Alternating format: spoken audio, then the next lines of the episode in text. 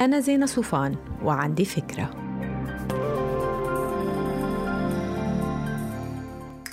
هاي صديقة من يومين معبرة على تويتر عن استياء شديد وحاطة فيديو لصبية مثل القمر عم تبكي. فتحت هالفيديو لشوف سبب الحرقة اللي مخلي بنت حلوة ومرتبة تطلع تبكي على الملأ وتردد حسبي الله ونعم الوكيل حسبي الله ونعم الوكيل طلع الحمد لله ما مت لحدا عزيز ولا طلعت خايفة على أم انصابت بكوفيد.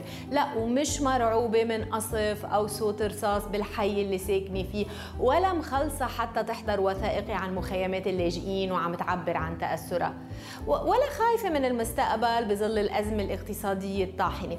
الصبية عم تبكي بلوعة لأنه في حدا عمل هاكينج لحساب على إنستغرام اللي فيه مئات ألاف المتابعين على ما يبدو. محي لكل الصور. نعم كل الصور. عن جد حسبي الله ونعم الوكيل. على كل هالعالم اللي فقدت أبسط أصول المنطق وضربت بعرض الحائط بديهيات اللياقة الاجتماعية.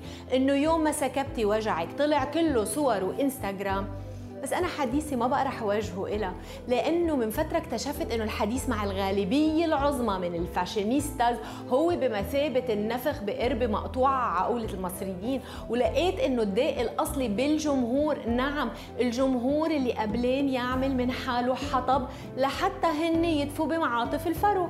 بس لحظة please قبل ما كمل لازم شدد إنه أنا مش ضد الموضة ابدا. أنا actually بحب الموضة على المستوى الشخصي وعلى مستوى أوسع. بحترم هاي الصناعة بكل ما فيها من إتقان وإبداع ومخيله وجرأه وجمال وبكل ما بتمثله من مكون اقتصادي ومرآة اجتماعية على امتداد تاريخ البشرية. فما حدا يفكر إنه عندي موقف من العاملين بالقطاع شو ما كان شغلهم. مشكلتي مع الدخلاء على الفاشن من باب سلطة الأرقام أرقام المتابعين اللي بتخلي هاي الصبية بخيلها المحدود وذكاء الاجتماعي المفتقد كنز تسويقي للبراندات والعلامات التجارية. لما هي وشبيهاتها بيحصلوا الثراء والشهرة بيصيروا هن مصدر الإلهام لأولادنا ومثلهم الأعلى وهاجسهم الأعظم. هيدي هي النار. خلونا نطفيها please ما تنسوا تعملوا download للفكرة تعطوها rating وتساعدوني بنشرة. bye